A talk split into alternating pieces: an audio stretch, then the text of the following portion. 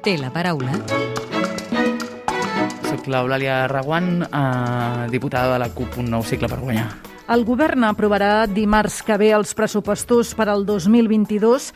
El president Pere Aragonès insisteix que els vol aprovar després al Parlament amb la CUP, però vostè mateix ha donat senyals aquests últims dies que les negociacions no van bé. Què han d'oferir aquests pressupostos perquè la CUP hi voti a favor o s'abstingui? Nosaltres el que estem posant sobre la taula és que és indispensable que allò que vam acordar per la investidura es desenvolupi ja no només en els pressupostos, sinó en, en, en les polítiques de, del govern. Hi ha elements que no estan avançant o que no s'estan produint com havíem acordat i el que plantegem en els pressupostos és que cal que hi hagi els 1.000 milions eh, per habitatge que vam acordar en, en l'acord d'investidura, però que siguin uns diners que vagin destinats prioritàriament i bàsicament a augmentar el parc públic d'habitatge a través del tempteig i retracte en pisos de fons voltors i de la banca o d'expropiacions. Però també plantegem que cal reforçar l'atenció primària i que cal reforçar-la a través d'ampliar eh, els equips bàsics, és a dir, més especialistes de medicina de família i més infermeria eh, de família, que és el que el personal de, dels centres d'atenció primària està reclamant. La via per, ampli... o sigui, per reforçar l'atenció primària, per arribar al 25% del pressupost, és a través de fomentar aquests eh, equips bàsics i començar el procés de reversió de les privatitzacions i externalitzacions de la sanitat pública. I, i també posem eh, sobre la taula que cal una energètica pública, era un de les, dels pilars eh, del nostre acord d'investidura, la transició ecològica i, i també, per tant, incidir o treballar per incidir en el mercat eh, privat, una energètica pública que sigui de generació d'energia també. I finalment, no, un, un, entenem que hi ha una contradicció entre dir que es vol apostar per la reindustrialització del país basada en la transició ecològica i en generació de llocs eh, de feina dignes i apostar per macroprojectes vinculats al totxo i al turisme massiu i que, per tant, més que invertir en aquests macroprojectes, que tingui en compte les necessitats existents actualment. El PSC insisteix dia rere dia a oferir-se al govern per aprovar els pressupostos a priori, o almenys que sabem públicament, sense condicions. Sospiten que s'està forjant un acord a Catalunya entre el govern i els socialistes, després que hem vist que Esquerra ha permès aquesta setmana també la tramitació dels pressupostos de l'Estat. Aquest acord, per dir-ho manera, ja es va produir el 2020. Ja hi va haver un acord a tres bandes, que era Ajuntament, Generalitat i Estat, on entre tots es van anar aprovant els pressupostos. En el fons, aprovar els pressupostos era una manera d'estabilitzar eh, els governs i d'apuntalar el règim. Per nosaltres aquesta opció eh, no és bona, no és vàlida i no s'hauria de produir el que entenem no, és que eh, els pressupostos de la Generalitat han de fer un gir a l'esquerra, han d'apostar per eh, garantir drets concrets de la gent, aquells drets que cada dia la gent veu com, com són vulnerats, com és el dret a l'habitatge o, o els subministraments, i a vegades ens preguntem si a aquest govern li costa tant fer aquest gir Uh, sí, és perquè en el fons està pactant amb el Partit Socialista, que ja veiem també en les polítiques que fa l'Estat, que garantir drets com el dret a l'habitatge o els subministraments no ho fa.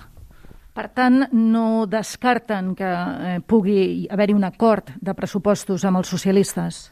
Nosaltres eh, no ho descartem perquè veiem eh, les polítiques que es proposen i amb qui les aproven veiem en el debat de política general on bàsicament Junts i Esquerra van aprovar moltes més propostes del Partit Socialista que de qualsevol altra força política. Per tant, el xantatge aquest de o vosaltres o el PSC eh, tampoc el comprem perquè té a veure amb quines polítiques volen fer. Volen fer les polítiques que contentin el Partit Socialista o volen fer les polítiques que responguin a les necessitats de la gent per aquest país? Aquesta és la pregunta que el govern ha de contestar.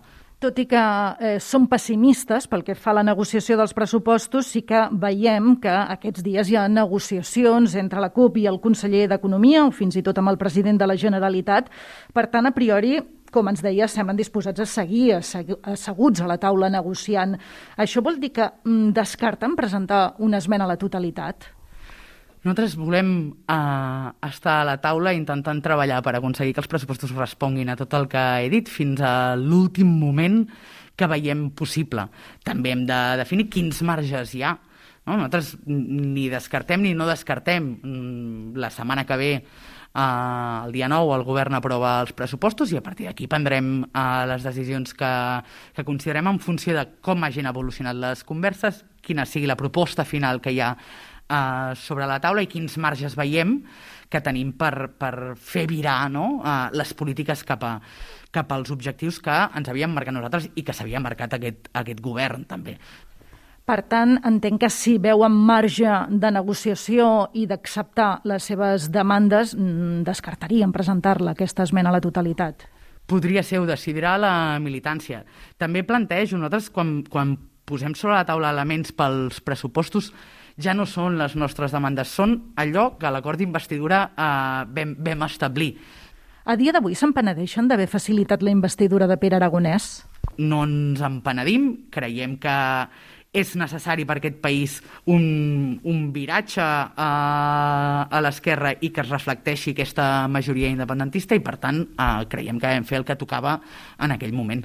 La CUP va pactar amb Esquerra en el marc del pacte d'investidura que el president aragonès se sotmetés a una qüestió de confiança a mig mandat. Ara mateix la superaria?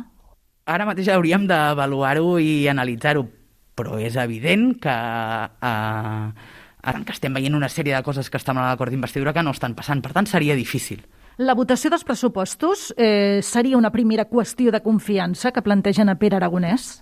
Sí, de fet, l'acord d'investidura establia un, un, una consolidació de confiances, que sí que és cert que es materialitzava amb, amb l'eina de qüestió de confiança al, a, mig, a mig mandat, a mitja legislatura, però que havia d'anar superant diferents elements i havíem d'anar no, mm, reteixint confiances que els darrers anys s'han perdut en el marc de tot l'independentisme. Per tant, es podria entendre així, sí. Si li sembla bé, ens endinsem ara en el terreny més personal. Li demano si pot contestar amb respostes al màxim de breu possibles. Vostè és llicenciada en matemàtiques. Quina relació tenen les matemàtiques amb la política, si en tenen alguna? En tenen en lògica de com s'organitza el cap, per dir-ho manera. Digui'm dos adjectius que millor la defineixin. Tossuda i constant. Quina música posaria la situació política actual? Aquesta és complicada, seria una cançó una mica depriment i no me'n ve cap al cap. Amb quin diputat o diputada que no sigui del seu grup compartiria una sobretaula distesa? Compartiria amb una de les persones represaliades eh, de, per l'1 d'octubre, seria Josep Maria Jové. Quin és el seu paisatge favorit? Un paisatge del Kurdistan, de les muntanyes del Kurdistan. Recorda que volia ser de petita? Paleta per construir-me casa meva. I ja per acabar, completi la frase següent. El que més m'agradaria del món és... Que s'acabessin a les injustícies. Eulàlia Reguant, portaveu de la CUP, un nou cicle per guanyar el Parlament. Gràcies per atendre'ns a l'hemicicle de Catalunya Informació. Gràcies, que vagi bé el cap de setmana.